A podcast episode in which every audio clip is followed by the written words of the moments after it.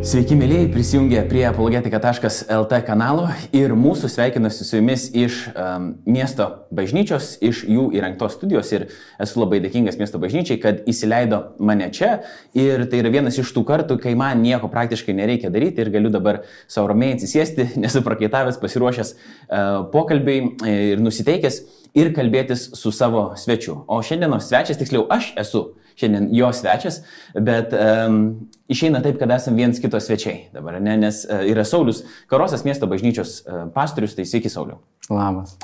Ir um, prie jūsų uh, tikriausiai tempo kalbėjimo man reikės derintis, o jums prie mano, nes aš žiūriu, kad uh, aš beriu kaip žirnius į sieną ir man sako, Laurinai, sustok, o jūs kalbate ramiai, labai ramiai. Aš jeigu įsivažiuosiu, aš tave plenksiu. Nu, gerai, žiūrėsim, Bet... tada viens kitą paaštrinsim kaip, kaip tą geležį. Iš tikrųjų, mes turėjom šiandien čia sėdėti trise, bet e, nutiko gyvenimas ir vieno e, pastoriaus tiesiog čia negalėjo būti, e, planavom kalbėti ir toliau kalbėsim tą pačią temą kalbėsime apie tai, kaip karantinas ir COVID konkrečiai pakeitė bažnyčias, tai turėsim tiesiog smulkesnį imti. Saulius pasidalinsit savo patirtim ir kaip miesto bažnyčia reagavo į tai. Aš galėsiu kažkiek papasakoti, kaip laisvųjų krikščionių bažnyčiai tai sureagavo bent jau, bent jau Vilniuje. Ir pakalbėsime, aišku, ir šiek tiek, šiek tiek plačiau. Galbūt ir apie tai, kaip, kokia yra bažnyčios patirtis dabar priimant ukrainiečius, kurių žinau, kad taip pat atvažiuoja į Klaipėdą nemažai ir miesto bažnyčia irgi yra įsitraukusi į pagalbą taip pat ir jiems. Pasikalbėsim ir apie asmeninius tokius dalykus, kaip jūs įtikėjot, kodėl sekat Jėzum, kaip tapot pastorium, nes nuo to aš visą laiką pradedu iš principo laidas, jeigu žmogus yra pirmą kartą atsisėdęs. Tai čia keturias valandas. Nu, daug maž. Jeigu greitai kalbėsit, sutrauksime dvi. Um, ne, aišku, nuo liūdėjimo mes kai pradėsim, tai ne, ne, neprašysiu visos išplėstinės istorijos, bet visada norisi susipažinti ir man asmeniškai kažkiek su žmogum, kadangi nors mes šiek tiek esame pažįstami, bet labai minimaliai.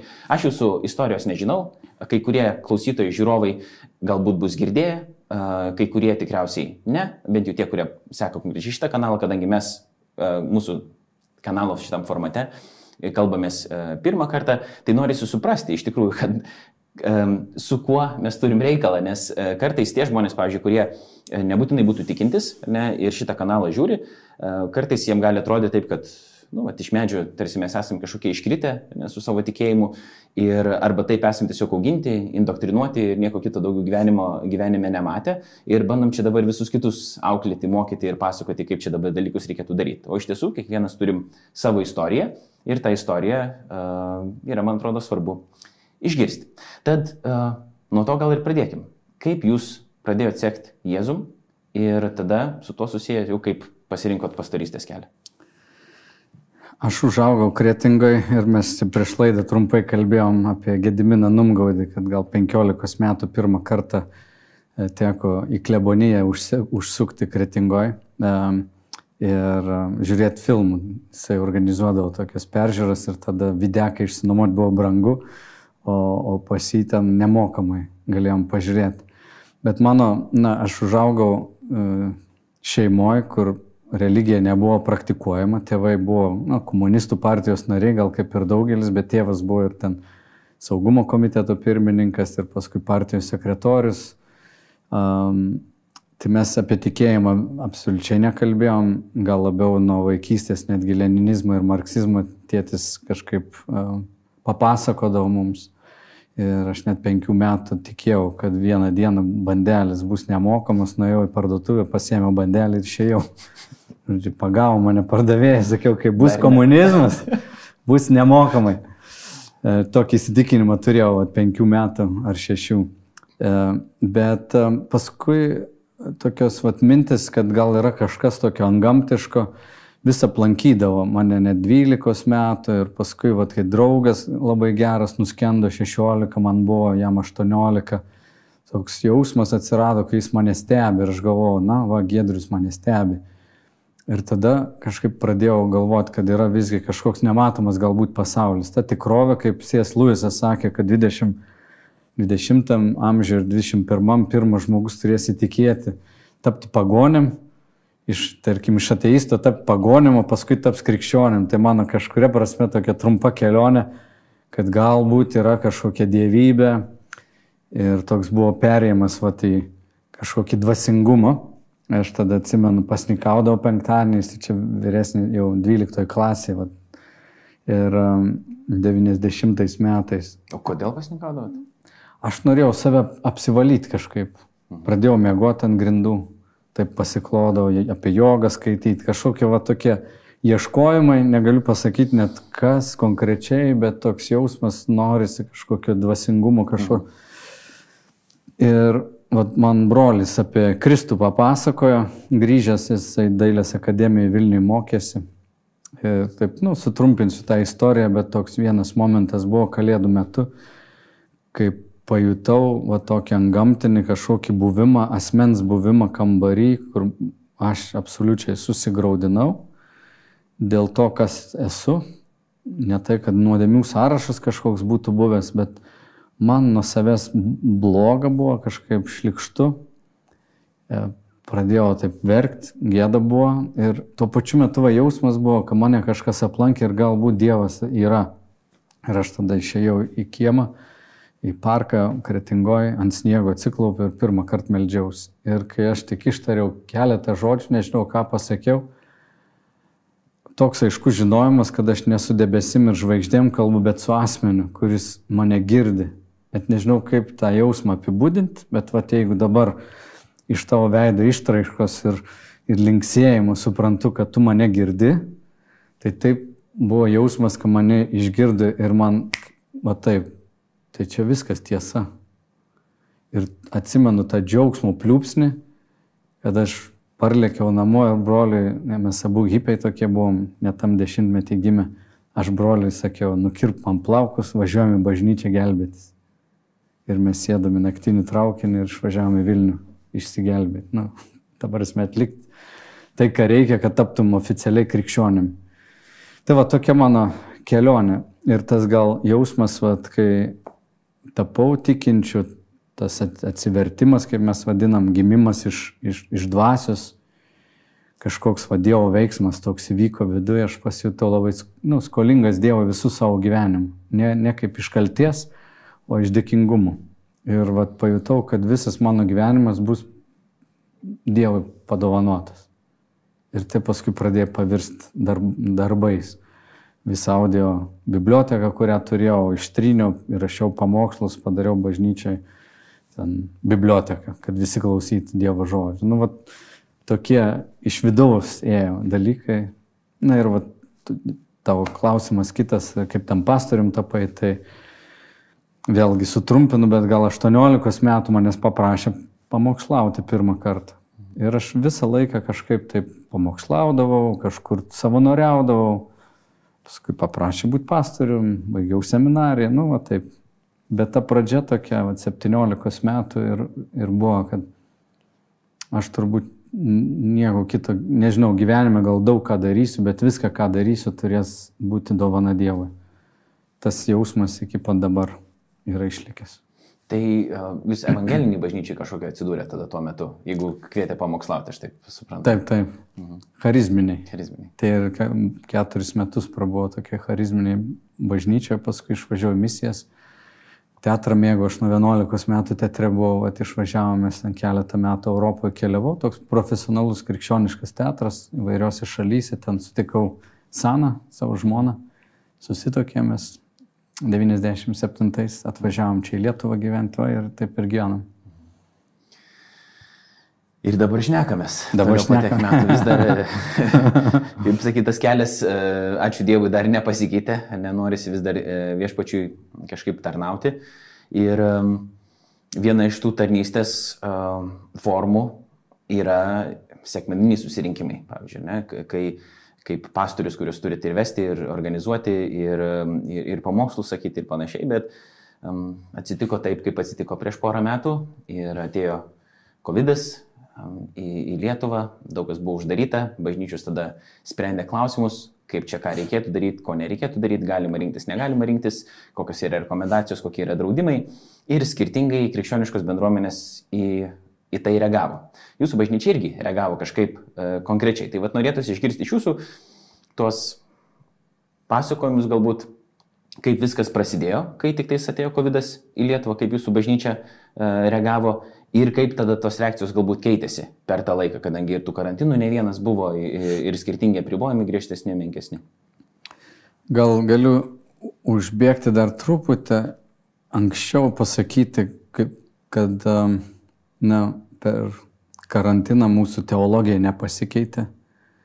Mes nepradėjom kažkaip kitaip tikėti ir kažką visiškai radikaliai priešingo daryti. Yra daug dalykų, kurie tiesiog kokie buvo, tokie ir liko mūsų asmeninis laikas su Dievu, Biblijos autoritetas ir panašiai. O kaip bažnyčia, jeigu taip kalbėti apie pačią išraišką, kadangi mes nu, nedominacinė bažnyčia, neturim tokių istorinių ilgų šaknų, vad bažnyčia bus 25 metai, tai teologiškai mes galim atsekti toli, nu, nueiti, sakyti, mūsų šaknis toliai, ar ne, ir nu, reformacija, ir, ir galim sakyti toliau iki pat vat, Naujojo testamento, taip ginčytumėmės, kad mes iš ten. Bet išraiška pati mes visada žiūrėjom, na, tokiu inkarnaciniu būdu, kaip Kristus atėjo pas savuosius, taip ir Evangelijos žodis ateina į kiekvieną kultūrą ir į kiekvieną miestą, į kiekvieną gal net amžiaus grupę ir jis gali turėti išraišką kažkokią, bet esmė nėra pakitusi. Tai vat, aš noriu gal tą pasakyti, kad mes visada žiūrime pačią esmę, tarkim, žmogaus nuodėmingumas, tikėjimas Kristaus auka, Kristus gali atleisti mūsų nuodėmės, suteikti mums amžiną gyvenimą ir mes sekam juo. Ir forma, kaip tai atrodo, gali nuskirtis labai. Ir dėl to mes gal nesam alergiški pokyčiams, jeigu tie pokyčiai na, nepaliečia esminių dalykų. Tai čia aš kalbu dabar gal pačią filosofiją, -huh. tokią, kaip mes į tai žvelgiam. Tai, -huh. tai vad, kai atėjo, prasidėjo karantinas, uh, labai greit supratom, kad negalim rinktis. Pabandėm padaryti pamaldas vat, iš netgi šitos vat, vietos, atkartoti be žmonių tai, ką mes darėm sekmadienį ir kad žmonės pasijungtų ir žiūrėtų sekmadienio pamaldas nu, online. Ir kvietėm žmonės namuose, kol pradžioje dar galėjo, kad jie kartu būtų tenais uh, ir gal galėtų gėdoti. Bet pamatėm, kad neina perkelti visiškai to, ką patiri su keliais šimtai žmonių gėdodamas, namuose tas vaikai laksto, kažkas blynus valgo, tu geri kavą, kad tas ne, niekaip nepersikelia. Mes supratom, galbūt reikia visgi kei, na, net šlovinti, gal mums taip neišeina, va, ten penkių giesmių, gal tiesiog paleisti tokią giesmę, kur žmogus tiesiog, na, apmasto ir paskui pasiklauso žodį, o vėliau bendrauja su kitais. Tai mes o taip pradėjome eksperimentuoti, ką reikštų tas sekmanio pamaldas. Paversti tokiom, na, internetiniam pamaldom. Ir čia tokių vad buvo pokyčių. Bet kitas dalykas, galiu tęsti, ne? Ja. Kitas dalykas, uh, labai pasimatė, vad žmonės, gal ką tu paminėjai, Gal čia prieš laidą mes kalbėjom apie tai, kad žmonės, kurie turėjo tokį natolimą gal ryšį su bažnyčia, dar labiau nutolo. Gal jam niekas nepaskambino, pasijuto gal nereikalingas, niekas manęs neaplanko, nesijautė bendruomenės dalimi, gal bažnyčios dalimi visuotinis taip, bet vat, kad kažkas mane lankytų, ne. Tai kai kurių žmonių atrodo ir neliko. Nors va, tų prisijungimų, kiek žmonių prisijungia, tai iš tų skaičių mes matom, atrodo, lik tiek pat žmonių renkasi, bet supratom paskui, kad ir iš kitų šalių prisijungia ir panašiai. Gal net ir iš kitų bažnyčių, nes ne visi transliavo. Bet labai aiškiai pasimatė tokia stoka, kaip mūsų visuomenė mes esam visgi nutolę viens nuo kito, ypač didmeščiuose per tą greitą gyvenimo būdą, kaip sunku šiandien net šeimoje išlaikyti artimą ryšį, tuo labiau bendruomenė, tuo labiau jeigu susitinki vieną kartą per savaitę pamaldų metu, kur net pabendrauti nelabai išeina. Kava gerdamas foje ten, nu, joks ten nebendravimas. Ir tas sukėlė man visų pirma turbūt didelį diskomfortą matyti, kad tai, kas na, palikta labiau tokiai savieigai, visgi nu, neišlieka, nėra taip tvaru, kad reikia įdėti daug pastangų, jeigu nori išlaikyti santyki. Ir mes tada suskaldėm bendruomenę taip į tokias mažas pamaldėlės, iki 30 žmonių ir šešias pamaldas darėm. Mes turėjom persikelti iš didelės salės, kuri buvo uždaryta čia į mūsų bendruomenės namus, į salę, kuri nėra tokia didelė. Ir mes tada tokiam, sakom, reikia visus įtraukti ir, ir jeigu bus šlovintojai, tai šlovinsime, ne, nebus kas muzikuotų, nemuzikuosim, pamokslus paklausysim tada ant ekrano, bet bendrystė bus tokia tikresnė, artimesnė. Tai vad kai kurios tos pamaldėlės labai susidraugavo, žmonės taip sulipo, tai tas labai džiugino, kitiem neprilipo. Ir vis tiek turbūt pusė žmonių nebelankė vat, tų mažųjų pamaldų. Tada vasarą, man atrodo, čia turbūt pasimetęs tai laiko juostoje, kas čia vyko, bet vasarą, man atrodo, galėjom rinktis, tai mes čia laukia kažkiek rinkomės visi kartu bet akivaizdu, kad atstumai atsirado tarp žmonių. Ir mes paskui pradėjom labai taip aiškiai vardinti, kad jeigu mes pamaldas ir darysim grįžę, tai lygiai taip pat turim labai stiprinti bendrystę mažose tokiuose grupelėse. Ir dar prieš pandemiją, gal metai ar du mes vyresnėji visi pradėjom tokias triadas. Nu, po trys, trys vyrai susitinka kartą savaitę eksperimentą tokį darėm, tiksliau nukopijavom nuo vieno mano bičiulio, tokio pastoriaus iš Kanados, kuris čia pas mus atvažiuoja kartas nuo karto. Jis tą 20 metų ar daugiau daro, tai toks mokinystės toks metodas, nu, pasiemė porą vyrų dviem metam, po dviejų metų jie pasiema kitus. Ir jis tą daug metų darė ir mes sakom, pabandykim tai. Tai vad mes bažnyčioje tą mintį pradėjom tai pristatinėti ir kažkaip sulipo kai kurie ir per tą pandemijos laiką tikrai va, tokios tos triados atsirado tiek Vilniaus bažnyčiai, tiek čia Klaipėdos bažnyčiai. Pradžioj tokia, nu, kaip visi pokyčiai, su tokiu atsargumu buvo priimta, apskritai žodis triada yra naudojama, man atrodo, italų mafijai, tai yra nu, tokia minimali grupuotė, žodžiu, vykdyti užduotis.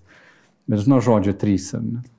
Gali ir keturi būti, gali ir du, bet mintis labiau, kad kartu būtų. Tai, tai va čia toks mūsų judesys buvo visgi į tai, kad ta mokinystė turi vykti labai artimam santykiai. Ir vat, pandemija parodė, kad trūkumas toks buvo pas mus bažnyčiai. Tai jeigu aš dabar teisingai supratau, pirmiausia, jūs išgrino tokį momentą, kad kad yra tam tikri dalykai, kurie gali, gali ir turi keistis, ne, bet yra tam tikri dalykai, kurie negali keistis ir neturi keistis. Tai yra, pavyzdžiui, doktrinos kažkokios, ne, tai yra mokymas tam tikras, kuris jau yra tvirtas ir nepajudinamas, tai nesvarbu, kokią išraišką mes renkamės, kaip tas pamaldas mūsų atrodo, tie tam tikri dalykai lieka tvirtai. Tada kitas dalykas, tas kitas momentas, kaip tada mes reaguojam į tai, kas vyksta visuomeniai. Ir čia konkrečiai toks ekstremalus įvykis pakankamai, kai reikia keisti visą gyvenimo būdą. Keičiasi ne tik bažnyčių uh, gyvenimas, bet taip pat ir apskritai žmonių gyvenimas keičiasi. Ne? Mm. Įvairių baimių atsirado ir, ir panašiai. Ir jūs pradėjote po truputį eksperimentuoti, žiūrėti, kas geriausiai veikia, kas, kas neveikia. Ir ką aš išgirdau iš to, ką jūs sakėt, yra tai, kad jums labiausiai atrodė, kad yra reikalingas vis dėlto tas bendravimo aspektas ir bendrystė. Ar ne, kad nebuvo taip, kad būtinai kiekvienam kartė turi sudalyvauti pastorius, kuris paskelb žodį, arba kitas, nežinau, pamokslininkas, koks nors, kuris iš šešias grupelės ateis ir būtinai su pamokslaus ir visi tiesiog paklausys. Bet buvo taip, kad gerai mes galim paklausyti, pavyzdžiui, įrašo, ne to pamokslo, bet svarbiausia, kad mes kartu klausytumėm ir tada kartu bendrautumėm ir kalbėtumėm apie tai. Ne? Tai tas, e, dabar jau visi gali vėl rinktis, ne? jūs uh, dabar jau renkatės ne didesniai toj salėje, kai visi galėdavo sutilpti, nes jūsų nepaslatis bažnyčia yra bendruomenė viena didesnių Lietuvoje, evangelinių. Ne? Ir tai kitos bažnyčios, pavyzdžiui, tokios kaip mūsų, neturi tokios bėdos, kad netelpam į salę. Pas jumis mm. netelpa į salę tiesiog čia, kur yra. Pradėjau daryti, kiek aš girdėjau dabar dviejas pamaldas, kad mhm. visi sutilptumėte. Ne? Ar sugrįžo žmonės tada dabar kažkaip, o gal tom triadom ir pasiliko, arba tom mažom kažkaip grupelėm, nes aš matau, kad gali būti pliusas, kai žmonės kartu būna, nesusibendrauja, bet ar nėra kažkokios atskirties dabar tarp tų grupelių kažkaip? Na, aš daug mokausi iš bažnyčių, kurios yra vakarų pasaulyje, tai jie ten visada greičiau ir, ir, ir labiau eksperimentuoja, greičiau juda. Tai tendencijos labai panašios. Pusė žmonių praktiškai nebegrįžo uh mhm. -huh. į tokias tradicinės pamaldas, pas mus, galim sakyti, tas pats įvyko žmonės liko nuo internetinėje erdvėje. Kiti tiesiog sako, mes pripratom, Mes kavutės pasidarom, atsisėdam, su žmona pasižiūrim, galim po pietų nuvažiuoti ant šeim, nu, giminę aplankyti ar panašiai, kažkaip vaikų nereikia renkti, nu, daug patogumų. Ir patogumas žmonės traukia. Jeigu yra galimybė patogiau atsisėsti, mes turbūt sėsim ant kėdės negu ant žemės. Tai čia kažkas tokio įvyko. Ir gal tame nieko blogo nėra, neina taip dabar tų žmonių kažkaip kaip, kaip gyvulių bandos kažkur nu, nustumti, ar ne? E, svarbiausias klausimas išlieka, ar yra jų na, augimas toks su Dievu, ar jie turi tą asmeninį laiką, ar jie yra bendrystėje su kitais, ar jie dalyvauja vat, ben, ben, su bendruomenė kitokioj formai. Jeigu taip, tada viskas ok. Na, sekmadienis bažnyčia, jeigu jinai būtų persekiojama, nu, nesudalyvai, ok, bet turi kažkur turėti, krikščionybė yra, nu, šeimininė tokia, galima sakyti, religija. Tai yra santykis su Dievu asmeninis, asmeninis yra ir um, bendravimas su kitais, nu, neįmanoma sekti Jėzumi ir neturėti brolio sesės, su kuriai tu patarnautum, nešiotum jų naštas. Tiesiog mes turim būti tokia bendruomenė, kad suprastum, jog mūsų tas tikėjimas tikras o ne butaforinis kažkoks toks pseudo, aš ir Dievas ir daugiau nieko man nereikia. Tai va tie dalykai išriškėjo ir kurie žmonės negryžo, aš iki galo visų nežinau, visiems tikrai nepaskambinom ir nepaklausėm, bet kad reikia, na, tokio susitarimo ir vis tiek įtikinti, kad bendrystė yra būtina, tą reikia daryti. Kažkas turi apie tai kalbėti. Tai pradėjot kalbėti, jūs galbūt, ką žinau, gal pamokslų serija kokią, vaimėt iššovėm tada iš karto dabar, kad kaip svarbu yra bendrystė. Ja, labai daug ir tų ir pamokslų buvo apie tai. Ir šiaip mes na, dabar dėliojamės tokius pamatus, apie juos nekalbėsiu, nes dar mums viduje reikia dar pasikalbėti, bet per visą tą laiką na, mes matom, kad pokyčiai vyksta vis tiek lietai, net jeigu mes juos greitai inicijuojam. Mhm. Tai jie vyksta lietai, reikia laiko žmogui priimti juos, nes kažką tu prarandi, kad turėtum kažką naujo.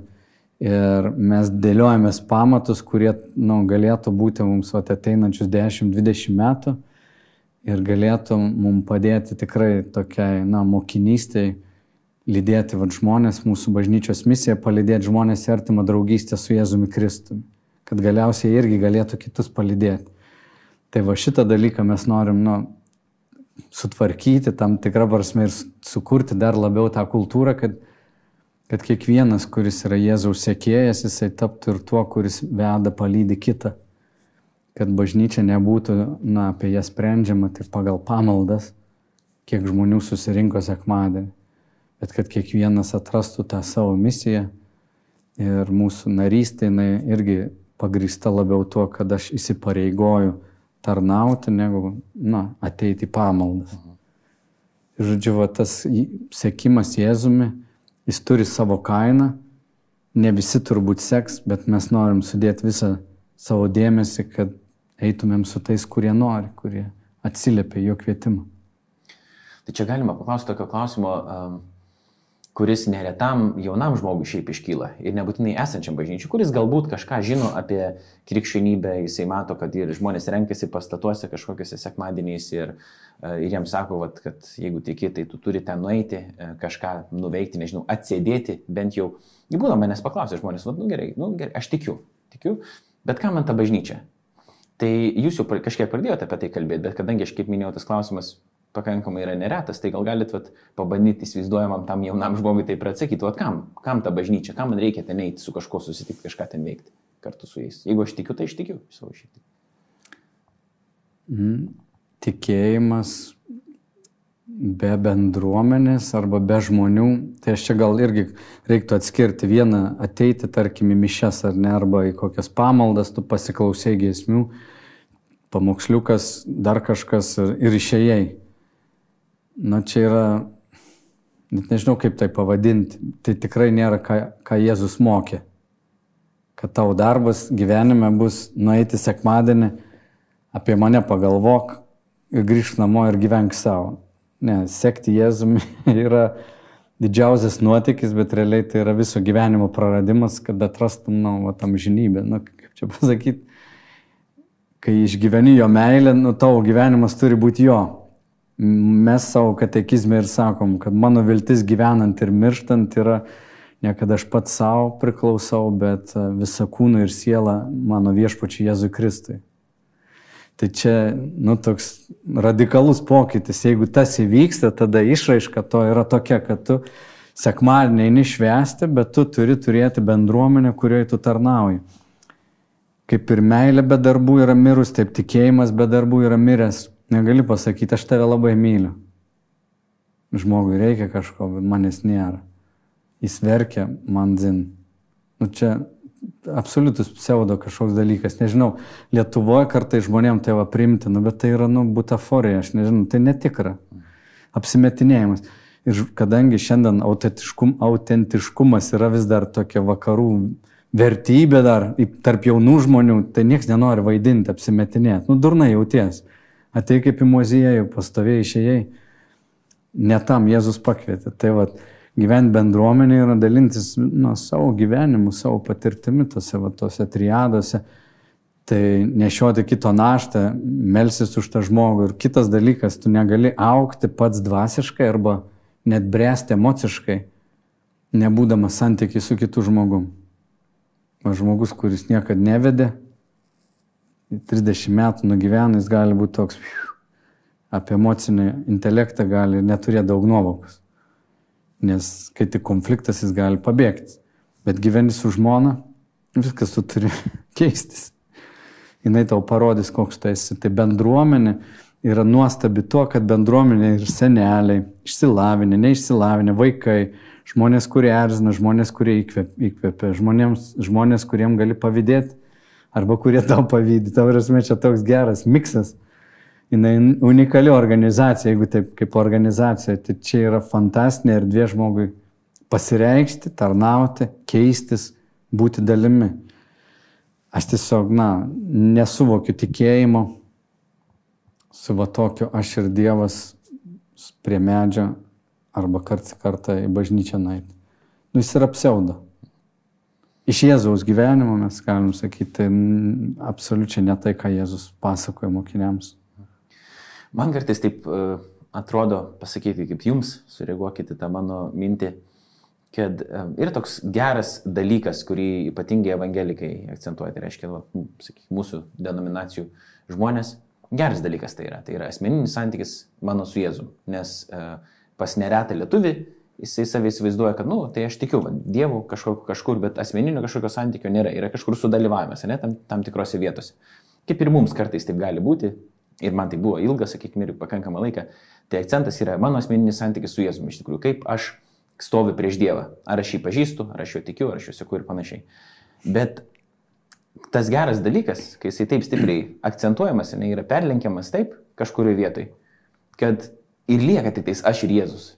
Ir tada visi kiti, ta kita dalis, um, jinai kažkur prapuola, tas bendruomeninis tikėjimo kažkoks taip, taip, aspektas. Taip. Sutinkat su manimi? Taip. Šimta procentų. Gerai prigalvoju čia, ne? Labai. Tai uh, ką daryti?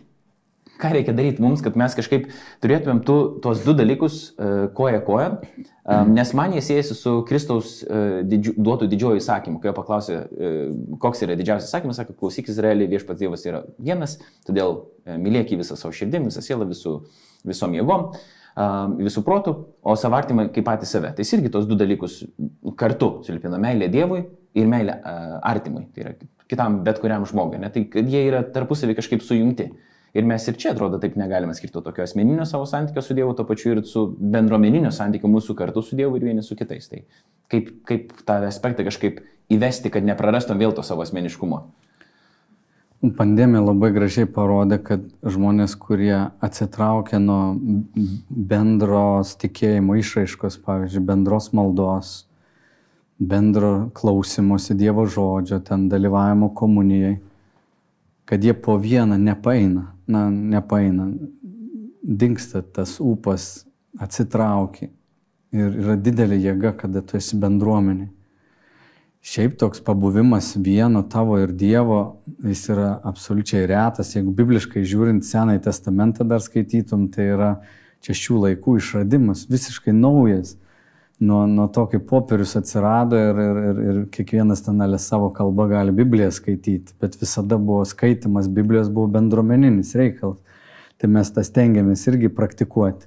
Pavyzdžiui, atsiversti švento rašto ir tiesiog skaityti šventą raštą. Dabar vat, vakarais mes melžiamės kiekvieną vakarą, na, maldą turim už Ukrainą, nuo karo pradžios, sakėme, iki karo galo melsimės. Kokią formą? Ta prasme, jūs Nu, internetu, internetu, internetu, bet mes irgi tada melžiamės arba skaitom raštą.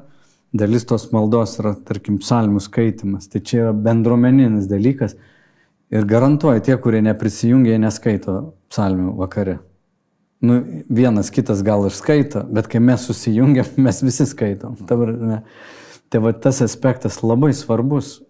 Dėl to sekmadienis yra labai svarbi diena eiti švęsti neapleisti tokio susirinkimo. Tai šita dimensija labai svarbi yra. Bet kita yra, na, vat, mano artimam santykiai ir gal net, kai kalbam vat, apie bendruomenę, mes galim mąstyti apie ten 200 žmonių, kurie kartu sėdi, ir ten tūkstantis yra pamaldose. Ir trys žmonės irgi yra jau nebe vienas. Tai va tas toks visiškai vienas, jis irgi reikalingas. Ir vis, vis, visi tie aspektai matomi Jėzaus gyvenime. Jis ir šventykloje yra, ir su mokiniais yra, ir vienas kalnuose. Ir ne vieno negalim sureikšminti per daug. Tai nu, šimtų procentų tai pritariu. Kaip tą kultūrą mes kuriam, tai man atrodo, kad visada gali būti toks nu, pasivažinėjimas, ar ne? Kur, tarkim, katalikų bažnyčia labai dažnai matau, na, žmonės, jeigu kiekvieną sekmanį ateina jau gerai, ir labai nedidelis žmonių skaičius ateina dar į kokį maldos susirinkimą, dalyvauja kažkokiose veiklose, dažnai toks brandoliukas būna labai nedidelis, jeigu parapija 15 tūkstančių žmonių, per Velykas gal ateis 5 tūkstančiai, o tų besimeldžiančių bus 15 šalia klebono.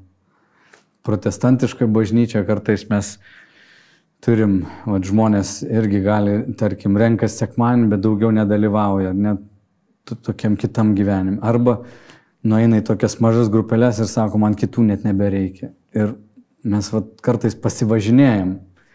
Tai mes va, per pandemiją, ką darom miesto bažnyčioje, tai kur pamaldos būdavo toks, na, ryškiausias, žinai, daugiausia energijos paimantis dalykas - suorganizuoti, pasiruošti, repetuoti giesmės, ten paruošti pamokslą, mes mediją kažką ruošiam. Žodžiu, taip darom, kad žmogus atėjęs būtų ne tai, kad aptarnautas, bet jam būtų geras, suprantama, jis būtų pasveikintas, priimtas, mes kavą paruošiam jam, žodžiu, pasitinkam kaip, nu, mieliausia svečia. Tas tiek energijos paima, galvoju, bet jeigu nėra lygia grečiai, kad didžioji dalis bendruomenės būtų vat, grupelėse, vadinasi, mes jau nuvažiavom, nu, truputį per toli vieną pusę gal. O kaip, kaip uh, miesto žmogui, uh, kai gyvenimas yra tikrai nu, greitesnis uh, negu kad būtų, nu, pavyzdžiui, aš grįžtu pas savo tėvus į miestelį, kurie dabar gyvena prie Mažiekių, ne, netoli. Šiaip Mažiekiuose šiaip esu užaugęs, Mažiekiai kaip ir miestas, aštuntas pagal dydį buvo Lietuvoje, nu, bet vis tiek tie Lietuvoje miestai, jie nėra e, kažkokie e, labai miestietiški, nu, kai kurie, net lyginant su, su didžiais iš tikrųjų miestais. Dabar man tėvai šis miestelį gyvena, tai atrodo, kad aš ten parvažiuoju, ten ta diena ten trigubai ilgiau trunka negu kad e, Vilniui, pavyzdžiui, trunka, ne viskas taip, vieną mašiną pravažiuoja per kelią. O Vilnių, kur gyvenu, ten yra, gyvenu prie Vilniaus pagrindinių Vilniaus gatvių, tai ten visą važiuoja, važiuoja, važiuoja, važiuoja, važiuoja, važiuoja ir taip jautiesi, kad kažką turi daryti, daryti, daryti, daryti, daryti, daryti. Ir visą laiką atrodo yra ką daryti. Ir tada žmogus, va toks gyvenantis mieste, pavyzdžiui, ne, turintis darbą, kuris atima iš jo nu, daug laiko, jis ten taip irgi, nu, mato, kad jisai tarnauja Dievui, dirbdamas tą darbą irgi, nu, neatskiria, tai kad čia dabar jau nebetarnauju, kol dirbu, tai nebetarnauju, po to einu kažkaip tarnauti, ne. Turi šeimą, galbūt vaikų, gal dar kažką. Vat kaip spręsti tą problemą, arba kaip jūs galbūt sprendžiate, kokie yra pavyzdžiai, kai žmogus, kuris tikrai turi labai daug visokių dalykų jau gyvenime ir yra nuvargęs jau toks, ne, ir dar nedaug dėvi intravertas koksai, ir kaip jam va tame iš tikrųjų bažnyčios gyvenime sudalyvauti, kas yra labai reikalingas ir geras dalykas, bet mes suprantam, kad negyvenam pirmo amžiaus Izraelį, ne, kur nu, neįmanoma ne bendruomenė gyventi apskritai, iš visi ten pakeliauti niekur jau negali, net kad gyvenimas yra pasikeitęs, tikėjimas nepasikeitęs yra, bet kad kaip išlaikyti kažkokias panašias tokias formas kaip apaštalinio tokio, sakykim, tikėjimo ir rinkimuose, nu, mes susidurėm su tokiu pakankamai nemažu iššūkiu. Tai ką daryti va tokiam jaunajam miesto profesionalui? Aš gal galiu pareflektuoti savo asmeninę patirtį, kad um, ateitis bažnyčios turbūt ir pandemija, ką padarėme, čia kalbam apie tokias vat, iš, išorinės veiklas arba formas, kur mes ten susitinkam, grupelė ir panašiai. Be viso to, manau, kad ateitis bažnyčios bus tokia, kad daugelis žmonių ištikimų Jėzaus mokinių turės labai aišku savo gyvenimo ritmą. Ir jeigu prieš 15-20 metų ten žiūrint į vakarų bažnyčias, tokias, nu, tarkim, sėkmingas, evangeliškas, jos dažnai arba didelės labai mega bažnyčios, arba kokios labai daug steigiančios bažnyčios, arba kaip Brazilijoje, kur ten kas tris mėnesius vis turi bažnyčią įsteigę ir po trijų mėnesių dukterinę bažnyčią jau turi steigti. Kuboje vienas mano pažįstamas sakė, jį įsteigė bažnyčią, jeigu ta bažnyčia po trijų mėnesių nesteigė kitos, važiuoja jos remontuoti, jau kažkas ten nebet, nebetvarkoja, jau užmygo. Ten tempas tokie, ten nu, tūkstančiai bažnyčių, toks judėjimas. Tai vakaruose mes matom nykstančią bažnyčią. Ir aš kokią ateitį matau ir kur mano gyvenimas paties pasislinko. Tai grįžimas prie tokių tų senųjų ritmų Pavyzdžiui, šabo šventimas ar ne, nu, dienos, čia nesiginčysim galbūt, kuri tai diena savaitės turėtų būti, bet bent viena, nu tarkim, ne viena diena, aš švenčiu penktadienio vakarą, saulė besileidžiant ir šeštadienis yra mano diena, man tai kažkada buvo didelis iššūkis, nes sekmanį aš pasirodau prie žmonės, nu, kalbėti prie žmonės visada kelia įtampą. Koks jau ten būtum kietas, bet tu stovi, tu gali nusišnekėti, nu, vis tiek turi pasiruošti šeštadienį būdavo toks daug metų vat, įtampai. Ir aš paskui supratau, jeigu aš nelaimėsiu šitos kovos, man šakės. Varsime, tai yra mano didžiausia streso diena, nes reikės pamokslauti ir aš ne save atstovauju, Dievo vardu turiu kalbėti, žodžiu, o čia kaip turėti kokį savaitinį gamyklos susirinkimą ir tu turi pravesti, kviepti, išbarti, sureguliuoti, žodžiu, kad duotumėm pelnų ir kad dar visi laimingi būtų ir uždirbtų ir kad saugiai jaustus dėl ateities. Nu, tar, va, mėnesinis gam, koks nors vadovo susirinkimas.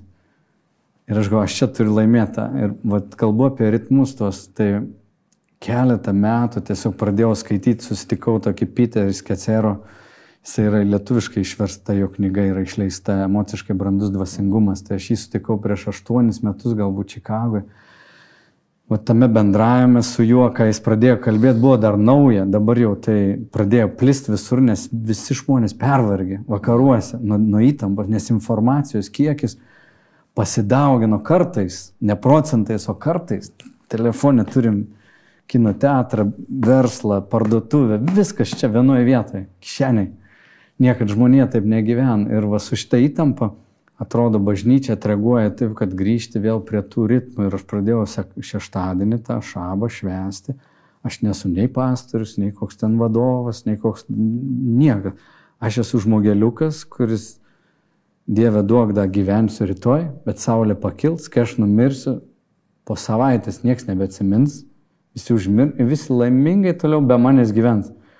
Ir šavo dieną aš sakau, gyvenimas eina be manęs eis ir aš turiu viską paleisti. Ir aš paleidžiu, mes su žmona dažniausiai uždegam žvakę, pasimeldžiam, prasideda šabas. Aš nieko, jeigu darau darbą, tai tokį, kuris nuteikia malonumą, gal žolę galbūt nupjauti, bet ne dėl to, ką reikia, man patinka. Tai tas vat, davė stabilumą. Turiu rytinę maldą, kuri vat, jau kokie septyni metai aš keliuosi, kol dar visi miega, kad galėčiau melstis. Ir jeigu aš tų dalykų nebeturiu, mane nuneša gyvenimas. Ir be visų vatų, ką kalbam, ten grupelės, triadas, pamaldas, aš turiu būtinai įsišaknyti ir kaip Jėzus ant kalno pabūti.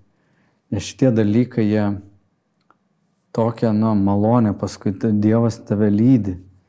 Ir aš galvoju, jeigu va, tikintieji ištikimo mokiniai neišmoks taip pabūti su Jėzumi, nu, mūsų ištaškys. Tas intravertas jis užmigs, o kitas nusiraus savo galvą bebėgdamas. Tiesiog klups ir paskui skaitai nusigėrė, išsiskyrė, ten bla bla bla. Net su bažnyčių vadovais tas pats vyksta. Tai man, e, mano intencija kad bendruomenė eitų link to, kad atsiranda ritmai, kurie yra tvarus. Ir ar tau pandemija tavo tikėjimo jau nebeišmuš, ar karas, ar lyga kokia nors, kad ir mirtina, tavęs nebeišmuš. Ir Jėzus tą pademonstravo. Tai va tas grįžimas prie tų senųjų praktikų tokių, tos pačios vat, maldos, meditacijos, tarnavimo, kur kiekvienas asmuo tai daro, yra, man atrodo, nu, stabilumas, kurio šiandien nežinau, kas gali jį pasiūlyti mūsų visuomenė. Vargas didžiausias, kad krikščionis lyderiai yra tie, kurie lieka kaip nutrūkę, žinai. Netrodo, kad e, viena iš priežasčių e, ir yra tai, ką jūs dabar pasakėte ir aš savie taip pastebėjau, bet klausydamas aš reflektuoju, mąstau apie tą savo gyvenimą, apie savo kažkokius tokius ritmus, bet vat, atrodo kartais, kad jeigu su, sustosi, kad kažkas čia sugrius labai greitai. E, bet tai kyla, nu, po to kaip giliau tai permastu tos dalykus, nu, iš tokio um, susireikšminimo, galbūt pasitikėjimo, įsivaizdavimo, kad čia nuo manęs labai daug kas priklauso, iš tikrųjų gyvenimas eis kaip eis, niekas net nepastebės, ten tu padarai tą ar nepadarai kažkokį dalyką ir tik tau atrodo, kad čia ant tavęs viskas stovi, realiai tai nu toli gražu taip, taip nėra. Arba jeigu yra kažkokie dalykai, kurie iš tikrųjų nuo tavęs yra priklausomi, tai irgi nedaug dievė, jeigu kažkas atsitiks, tada kas, kas kiti darys, vat, perims, nu, vat, kad turi kažkaip sutvarkyti taip, kad ne viskas ant tavęs stovėtų, nes ne, nepakeliamai ir žmogui net neturi tai būti, ne? Taip, taip. Nu, čia esminis persiprogramimas, toks softą turi pakeisti. Nes mes užaugom, visi turbūt mus vertina pagal rezultatus. Mūsų tapatybė yra mūsų išvaizdoje, mūsų išsilavinime, mūsų kažkokiai socialiniai padėtyje. Nu, čia yra tie vakarų visuomenės nu, standartai, ne, kur mes mūsų visus taip įvertiname. Juk atvažiuoja žmogus, išlips iš automobilio, kuris kainuoja šimtą tūkstančių, tai vis tiek kitaip žiūrėsi negu tą, kuris su peliuku, kokiu senu atvažiavo. Nu, tiesiog tau smegenis taip reaguoja kitaip. Ir tu supranti, kad čia softą reikia pakeisti. Tai, pavyzdžiui, direktoriai, įmonių vadovai, nu jie paniškai bijo sustoti. Juk jie, jie sustos, jie numirs. Jie realiai, nu, jeigu sustoja įmonės vadovas ar ne, kas, tai kas jis toks yra? Jeigu jis nėra tas, kuris važiuoja su šimta tūkstančių mašina, ne, jį iš, iš, iškėlė iš mašinos, iškėlė dar iš kažkur ir, ir kas jis tada yra? Tai va šabas yra, nu, siauba kelianti praktika. Nes realiai tu, nu, išlipi penktadienį vakare ir, ir tu, tu tampi, nu, niekuo. Ir tu paskiri, žinai, šventimui, dėkojimui. Tu tiesiog esi paprastas žmogus. Tuos nusivilk dalykus yra, nu, esminis persiprogramavimas ir labai sunku tą vienam padaryti. Pavyzdžiui, pradžioje tikint šeimą, tame dalyvauti man atvirai pasakius, nėra pavykę to padaryti.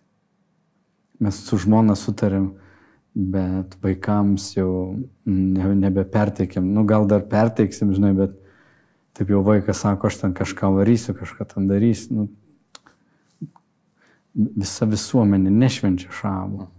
Sekmadienį visokie sportai, bureliai, kažkokie koncertai ir NN dalykų. Nu, labai sunku. Tai tikras iššūkis ir man atsisakyti kviečia kokį nu, renginį, patys organizuojam renginį, pasakyti, kad nevažiuos.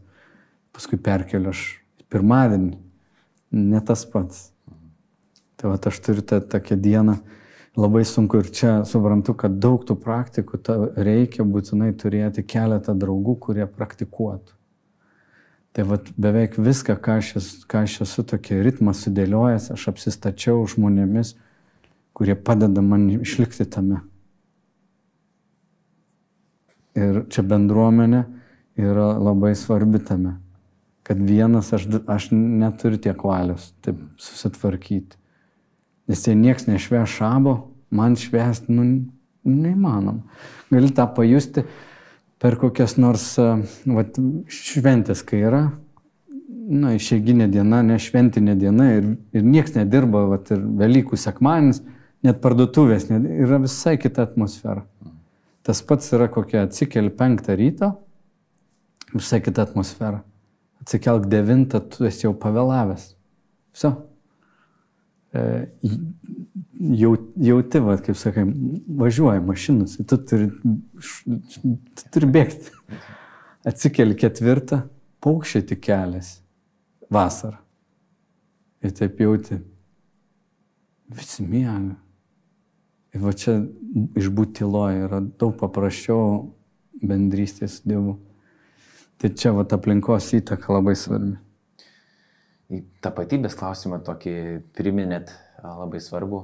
Mm, jis, man atrodo, vienas iš svarbiausių vis tiek yra mums gyvenime, kas aš toks esu. Ir mm, retas, kuris, e, kuris taip ir iškelia taip nu, atvirai, kad vat, pareflektuotų, vat, kas aš toks esu ir, ir dabar bandysiu dabar mąstyti, ne, kas, e, kas esu, kodėl esu būtent toks, ką turėčiau veikti gyvenime ir panašiai. E, dažniausiai kažkaip tas klausimas jis visada yra, bet jis kažkur va ten malasi, malasi, malasi, malasi ir tada kažkas tada tu tampi va kažkuo tokiu ir ant kažko tą tavo, ta, savo tą tapatybę pastatai.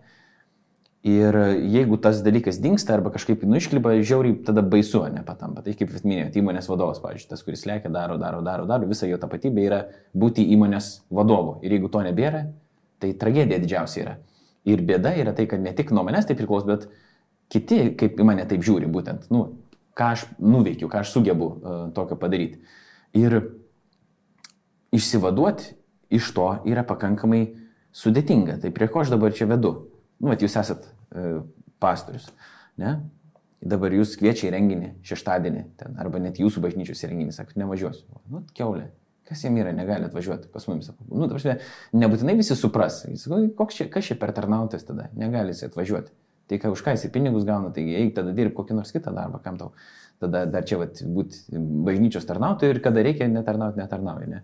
Arba dar kažkas. Nu, gali būti bet kokie tokie vat, dalykai, kad aplinkinių žmonių požiūris į tave, į tavo kažkokius sprendimus, kai tu bandai kažkaip nurimti, sustvarkyti gyventi pagal Dievo žodį, ne, tą ritmą tokį savo gyvenimo atrasti, nu daugam nebesuprantama tai patampa. Ne? Ir yra sunku. Kitus įtikinti taip gyventi, bet to pačiu sunku yra netgi pats, kai taip gyveni. Tai kaip reaguoti tada nežinau, kaip jūs tvarkotės, kai žmonės vis tiek nu, visai reaguoja tikriausiai, visai pasako arba gal pakalba visai, kad čia dabar Saulis taip pat nusprendė daryti, ir, ir, ir, o turėtų kitaip kažkaip atrodo būti. Jeigu būtų toks, tai jau būtų žymiai geriau tada, negu kad dabar taip kaip elgesi. Nu, jeigu žmogus gyventų, kad patiktų kitiems, tai jam šakės, nu, jis nebus niekada laimingas, kažkada turi įvykti tas išsivadavimas iš žmonių at, nuomonės. Nežinau, įvairiais būdais jis įvyksta, dažnai dugną žmogus pasiekia. Iš kitos pusės yra labai sveika save matyti žmonių kontekste, nes kitai būsi keistuolis. Ne? Jeigu aš pasakyčiau, aš esu geriausias klaipėdas šokėjas, tai aš save galiu įtikinti. Bet būtinai reiktų, kad bent trys kiti šokėjai tą patvirtintų. tai yra tas, nu, bet žmonių baime, Biblija sako, yra spastai. Mhm. Tai vad kažkiek tai įeiti į tą ritmą tikrai reikia pasipriešinti įsrovę. Man labai patinka vienas ortodoksų kunigas sakė, visa kas gyva skiriasi savo temperatūrą nuo savo aplinkos. Negyvi daiktai susitapatina su aplinka prasme, va stalas, jeigu aš dabar numirčiau šito kėdėjai, po dienos mano temperatūra bus kaip stalo. Jeigu aš esu gyvas, mano temperatūra skiriasi nuo stalo, ne, net kyla, leidžiasi. Tai vad būti krikščionim kultūroje, aplinkoje, netgi tarp žmonių turi būti, jeigu esi gyvas, tu turi skirtis temperatūrą ir tu eini tarsi prieš srovę. Jėzus sakė, eini siaurų keliukų, daug kas eina plačių keliukų, tai ta įtampa jinai visada bus kažkaip ją turi veikti. O dėl tapatybės manau, kad šita kelionė yra sudėtinga ir be Dievo, na, mes tapatybę pasistatysim vis tiek kažkokiuose laikinuose dalykuose. Timas Kelleris, kurį Amerikos vienas iš tokių žymių pastorių, jis kai steigė bažnyčią 89 metais Manhattane, New York'e, Tai sako, visas mano pamokslavimas buvo apie stabus, apie vakarų stabus, ne, sėkmė, turtai, įtaka, kažkokia va, šeimos ten statusas panašiai. Ir jo visi pamokslai atrodo buvo apie tai, kaip išvaduoti žmonės, kurie susidūrė va, su stab, stabmeldystė. Ne? Nu, tarkim, tu karjerą nori pasiekti, praktiškai turi paukoti vaikus. Nu, jos augins kiti, ne tu, tu jų nematysi. Bet tokiam mieste kaip New Yorkas, gal ir Vilnius, tavo vaikai yra paukojami ant tavo karjeros altoriaus ir, žodžiu, tu jų gal ir nebematysi atostogom neatsipirksi pinigais irgi ir naujausiais telefonais ir kompais, nenupirksi to vaiko. Tai šiandien karta tokia užaugus kita, kur va, tapatybė yra, jisai sako, jeigu šiandien steigčiau bažnyčią New York'e, tai kalbėčiau vien tik apie tapatybę.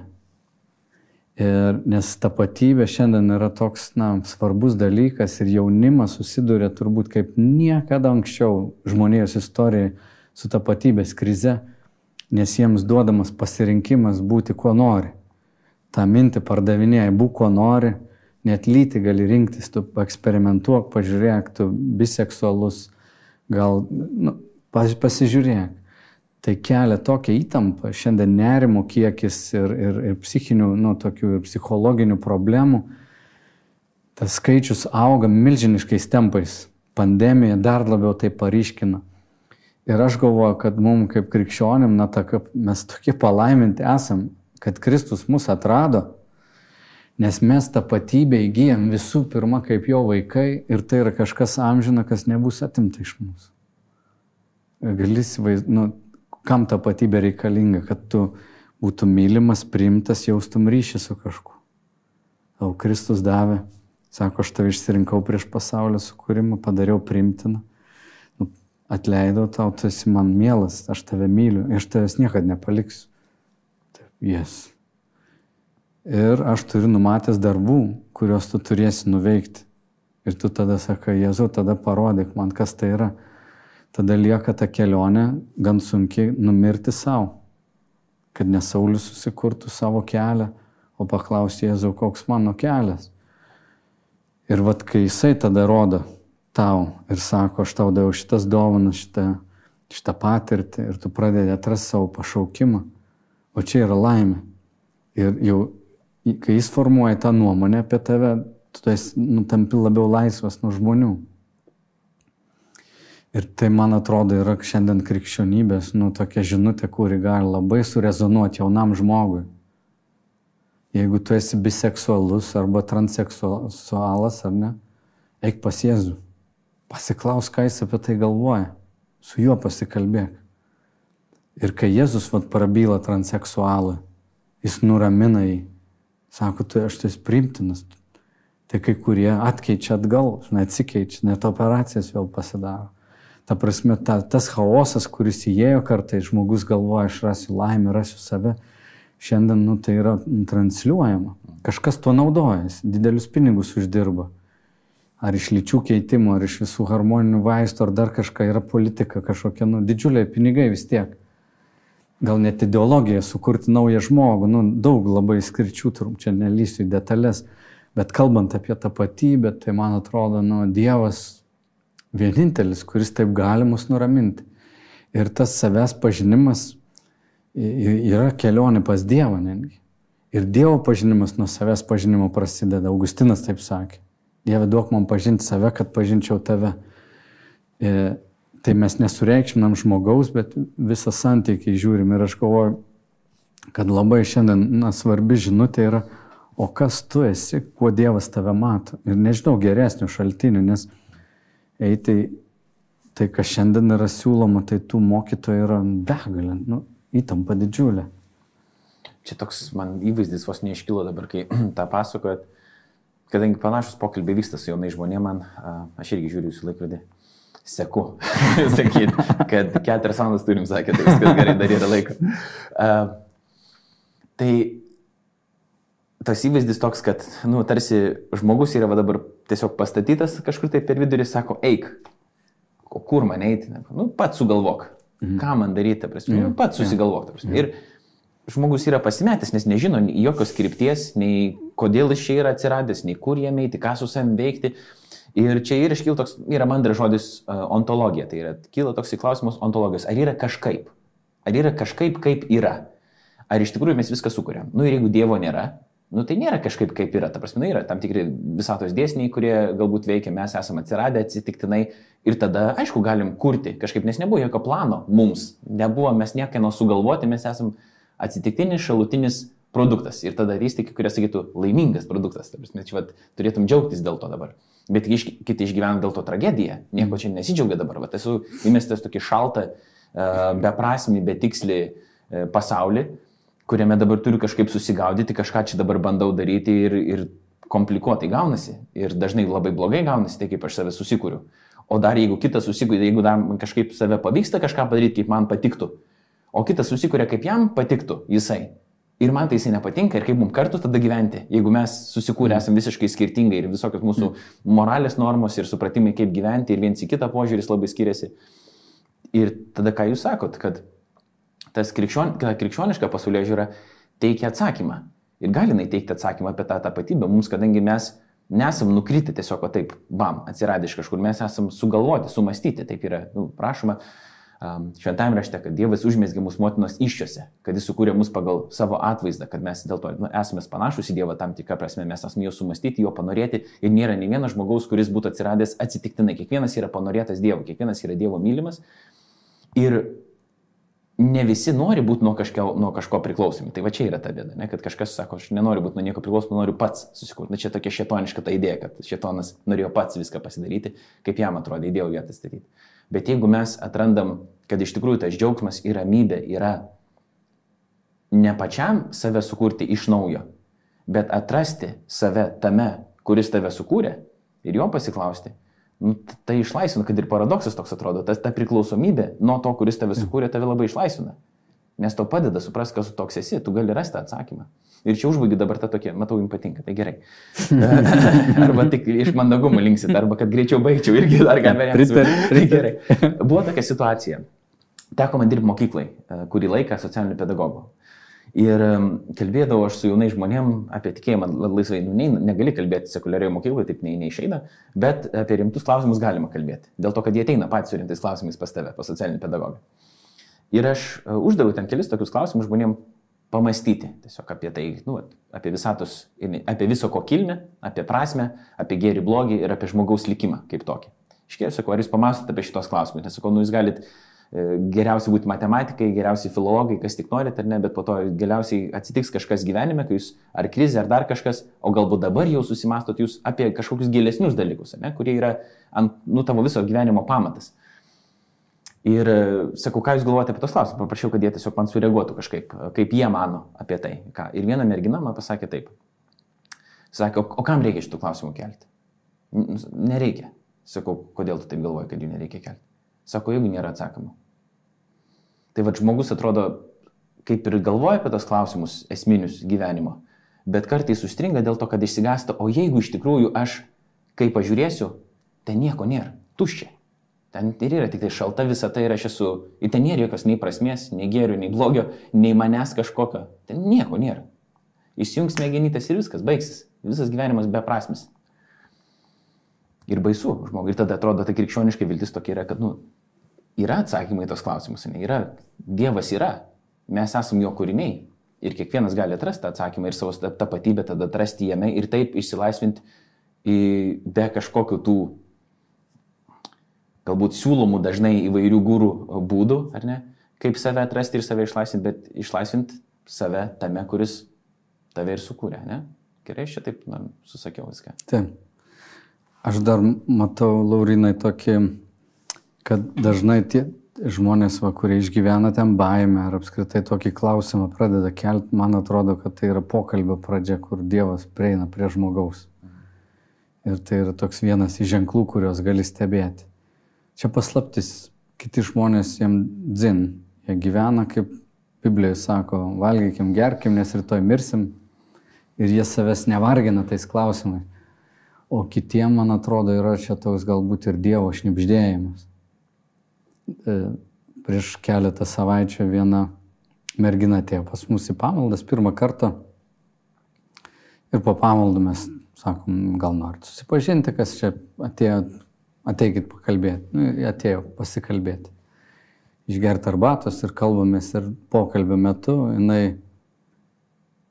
e, pradėjo pasakoti apie va tokią patirtį, kur tiesiog kartais net naktų apima siaubas, kad aš nesiskiriu nuo skrusdėlės, aš mirsiu ir viskas baigsis.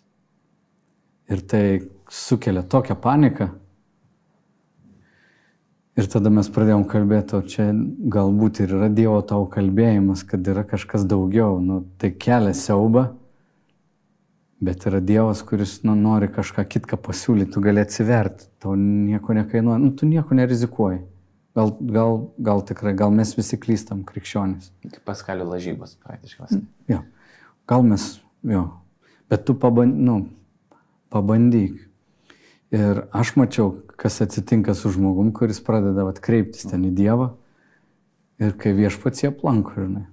Ir kalbant apie tą tapatybę, man tai yra jauni žmonės, kurie šiandien įtampo yra ir tikrai nepavydėtina situacija, nes esame atitolę nuo bendruomenės, kartais nuo tėvų, tėvai gali būti išsiskyrę ir tau niekas nekalba, kas tu toks esi tu pats viską turi padaryti, didžiulę įtampą, pats susigavo tau sako, ras savo kelią, būk laimingas, ne? Ta mintis tokia eina, kaip tu ir paminėjai, o senovėje būdavo tau pasakoju, kas tu esi. Jeigu yra bendruomenė, sako, žiūrėk, tu labai kietas, tu, tu gali ten arklius treniruoti. Nes, žiūrėk, kaip arklys tavęs klauso. Dažnai pats to nepamatysi. O čia bendruomenė. Anksčiau piršliai buvo, dabar piršlių nebėra. Yra tinderis ten ar dar kur Anksčiau būdavo, Laurinai, va yra panelė šitą, tavo šeima, jo šeima, tavo. Ir tu turi visą pagalbą. Dabar nebėra to.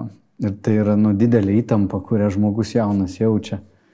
Tai va, dėl to noris irgi sakyti, ateik, žinai, visų prie Dievo, bet ateik ir į bendruomenę. Ir kai kalbam apie tapatybę, žmonės bendruomeniai to labai gali padėti tave pamatyti nesuinteresuotai, ne kaip darbdavys, ne kaip šeimos narys, ne kaip tėvai, kurie to nedarai, to nedažnai ten, žinai, su priekaištais, bet yra nu, unikali galimybė. Ir aš galvoju tikrai, va, ta kelionė su Jėzumi yra nuostabi, galvoju, kad mes einam į tokį laiką, kai jauniems žmonėms tikrai reikia kalbėti. Ateik, atrasi save, atrasi Dievą, atrasi savo kelią. Ir tikrai šventam rašte nu, galim čia labai būtų tą temą plėtoti, yra labai daug nuorodų, kaip link to eiti. Bet mes ne, nukrypom. Nu nieko. Čia aš, nu, aš nukreipiau. Gal viešpats jums atleis. Gal atleis. Į pabaigą jau dabar, pačią aš vis tiek, kadangi žadėjau jau mūsų pokalbio pradžioje, kad mes šiek tiek pakalbėsime ir apie tai, E, kokia yra iš Ukrainos atvažiuojančių žmonių situacija ir kaip galbūt jūsų bažnyčia reaguoja, jūsų bendruomenė į tai, kas vyksta. Tai bus susiję su to, apie ką mes kalbam, nes ir pandemija pakeitė bažnyčios gyvenimą, bet to pačiu ir pakeitė dabar um, Rusijos karas Ukrainai tą situaciją, kadangi atvažiuoja daug ukrainiečių, kai kurie yra tikintis, kai kurie yra netikintis, ne, bet atsiranda jie bažnyčiose. Ir pas mus Atvilniuje irgi uh, yra žmonių jau iš Ukrainos uh, atvažiavusių. Ir, uh, ir čia buvo praėjusią sekmadienį laisvų krikščionių bažnyčių Klaipėdoje, irgi buvo jau iš Ukrainos žmonių, ar ne, ir reikia, buvo iššūkis tiesiog praktinis, kaip va, trim kalbom reikia kalbėti, reikia kalbėti rusiškai, E, angliškai ir lietuviškai, nes yra anglakalbių, rusakalbių ir, ir, ir, ir lietuviakalbių, kurie nekalba kitom kažkokiam kalbom. Ne? Ir viskas žymiai ilgiau užtrunka, reikia visiems būti nu, maloniems ir kad visi suprastų ir kad visi jaustųsi vienos bendruomenės dalimi ir, ir panašiai. Tai manau, jūs su kažko panašiu susidurėt, ar ne? Pas jūs nėra tokių problemų. Noriu ką paklausti, kad kaip, kaip keičia, ta, buvo viena tokia krizinė situacija, dabar žymiai netgi didesnė krizė. Ne? E, yra prie pat mūsų, sakykime, bet kai susitiri su žmonėm, kurie jau atvažiuoja čia, tai jau tai yra, kaip sakyti, mes esam toj situacijai, niekur jau, kaip sakyti, nedingsime. Ir tai yra žymiai sudėtingiau karas negu kad pandemija ar, ar koronavirusas ar kas ten bebūtų. Ir po vieno tokių pasikeitimų etapo ir bandymų susiprasti, kas dabar ir, ir kaip turėtų vykti, ateina kitas. Tai kaip tai keičia jūsų bažnyčios gyvenimą, tai kad atvažiuoja žmonės iš iš, iš Ukrainos ir ne šiaip, kad jie atvažiuoja, tiesiog atvažiuoja, bet jie atvažiuoja su giliom žaizdom, tiek dvasiniam, emociniam, tiek fiziniam. Kad labai keistų, negaliu pasakyti, kad keičia kai kurių žmonių, kurie įsitraukia taip. Nerimas turbūt ir lietuvių yra pakilęs, ar ne, suprantam karo grėsmę kitaip negu kokie Britai ar, ar, ar net tie patys vokiečiai. Tai tas gal vat, pakeitė, nes ta būsena tokia jausena mūsų. O mes kaip bažnyčia esam priėmę 60 ar daugiau žmonių, kuriuos išlaikom, išnuomavom viešbutį ir juos maitinam, ieškom jums darbų, kad jie rastų savo kažkokią gyvenamą vietą vėliau. Tai čia toks didelis, didelis projektas mums mm, ir kažkiek žmonių yra į tai įsitraukę. Taip pat e, tie žmonės ateina į pamaldas, kokie 20 ukrainiečių dabar ateina į vienas mūsų pamaldų. Tai čia tokia logistika išspręsti, vat, vertimo klausimą, e, nelabai tie sudėtingi dalykai. Didesni vat yra galbūt mūsų bendruomenės, o tas pojūtis ar bendruomenė pati atsiveria širdimis ir žinoma Lietuvoje labai didelis na, palankumas ukrainiečiam, tokia jauti tą vėjuką į nugarą, kad visi žmonės padeda. Tai mes viešbutį tą išnuomavom, tai tikrai nu, didelis projektas, finansiškai tai labai, atsiprašau, labai daug. Bet iškart matai, vat, kokią technoramą ten padovanojo, skalbyklės, džiovyklės, ten nu, visko reikėjo, viešbutis neveikiantis buvo, mes jį išnuomavom. Ir, ir mums viską padovanojo, baldai vienas, ten baldų davė ir ten malsena produktų ir mes nu, vis žiūrim, vat, kaip juos išlaikyti. O, o kitas va dalykas yra jau kur toks dvasinio pobūdžio. Tai yra tiem žmonėms atliepti jų poreikį, atvažiuoja praradę savo tapatybę. Ne? Jeigu žmogus buvo, va, moteris atvažiuoja, um, kuri yra mokslininkė ir šiandien yra pabėgėlė, jie atsisveikino su vyru, visą savaitę čia nemiega ir verkia. Tai va pavyksta kartais, va, susitari su rektorium, Klaipėdos universitetas davė vietą, žmogus dirba jau kaip mokslininkas, o ne maksimai. Tai nuostabus laimėjimas, nuperki jam kompą, sakai, dirbk ir būk ir ačiū Dievui, žinai. Kita kirpėja pas mus namuose gyvena, dabar dirba kirpėja, turi būti ir, ir gal liks čia gyventi. Du trečdaliai statistiškai nebegrįžta karo pabėgėlių atgal namus dėl įvairių priežasčių. Tai kaip čia toliau bus, aš nežinau, bet jie visi, na, kažkuria dalim susiduria su va, ta, ta, savo tapatybės praradimu ir dažnai nori kalbą labai, pasakoja savo istoriją, jie nenori būti pabėgėliai, jie nori būti, kuo aš buvau, aš buvau mokytoja. Aš dabar dirbu lydlę, bet aš mokytoja. Nu, ir jie verkia ir tuo pačiu labai dėkingi ir labai vos ne rankas bučiuoja, net nepatogiai gali pasijusti. E, ir labai atviri Dievui. Tai vad net tie, kurie tokio nominalaus tikėjimo, kažkokio ortodoksų bažnyčia gal buvo, Velykiniai, kalėdiniai tokie krikščionys, tai dabar jie, nu, pritrenkti gal kažkiek yra. Ir, ir, ir gerumo, kurio susilaukia žmonių. Tai tokį matau labai atvirumą ukrainiečiams, galimybę atsiversti, va taip patikėti, kad Dievas geras. Mes tą atvirai jiems sakom, nuo pirmos dienos jie atvažiuoja, mes sakom, mes nesam čia labai geri žmonės Dievas labai geras mums, mes jaučiamės skolingi jam, mes norim jums padėti, jūs esat brangus Dievui. Ir tiesiai šviesiai taip sakom. Mums, lietuviams, didžiulė dovana suprasti, kad mes nesam jie. Ne mes važiuojam pagalbos prašyti. Vadinasi, mums jiems padėti, kiek tai bekainuotų, yra didžiulė privilegija ir daug, daug lengviau negu jiem priimti iš mūsų pinigėlius, priimti lovą ir maistą reiškia, mes esam šiandien dar labai labai privilegijuoti ir turim, nu, turim būti be galo dėkingi, kad ne mes šiandien pabėgom ir ne mes šiandien Norvegijoje kažkieno prašom pagalbos. O tą labai svarbu suvokti ir tada lengviau yra padėti. Ir manau, kad visoje šitoje tragedijoje, tokio blogio akivaizdoje mes turim tokią dovaną, va, turėti tokią širdies ryšius už tai žmonėm kas prieš tris metus buvo labai retas dalykas. Aš nežinau, kiek tu kartų va, turėjai per paskutinius dešimt metų, kur, nu, va taip susijungi su žmogumi, tokiam nuoširdžiam, neapsimetiliškam, visiškai atviram, tokiam pažeidžiamumo, tokia būsena, esi atviras ir tu jauti, kad nu, kažkas švento, net, net negali kalbėti. Pavyzdžiui, nori verkti, ne jam jis ten rauda ir tu esi tame, tu tą stebi Ir nusipranti, kad tai yra kažkas tokio švento, Ir tame va, sudalyvauti, nežinau, čia yra dovana. Tai čia ne apie šampūno nupirkimą, ar ten, žinai, paukojimą pinigų, bet va, susitikti taip su žmonėm. Tai tas ir tarp mūsų lietuvių tas vyksta, va, tu būni šalia ir tu jauti, kad mes esame bendradarbiai, padedant. Nu tai va šitas laikas man trečias gyvenime kartas, kai tą išgyvenu pirmą kartą buvo Baltijos kelias ir sąjudis Paskui išmokiau seminariją, kai rugsėjo 11 įvykiai įvyko, aš buvau tarp, nu, prie Vašingtono ir New Yorko per vidurį Baltimorėje. Tai valanda į, į tą ir į tą pusę. Tai visa Amerika ten susitelkė, kažkas tokio buvo, kur tu jauti, nu, kiekvienas žmogus tau brolis ir sesuo. Ir dabar labai kažką panašaus išgyvenu, kad, nu, va tokį, tokį susitelkimą didžiulį va žmonių, širdžių man toks jausmas, kad, na, tu jauti Jėzus vaikšto tarp mūsų, va, va tas. Ir galimybė tame pabūti, bet to žmogiško tokio stebuklo širdžių susijungimo tikrai yra, kaip Juberis nu Dievas yra tarp tavęs ir manęs, jis yra, jis yra čia. Tai va tą išgyvenu.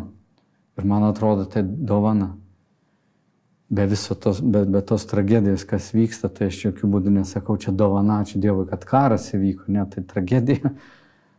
Bet toje tragedijoje kažką Dievas daro, jis tikrai vaikščia tarptų tose griuvėsiuose, jis vaikšto, jis vaikšto tarptų žmonių. Šiandien žmonės, kaip ten sako, kare netikinčių nėra.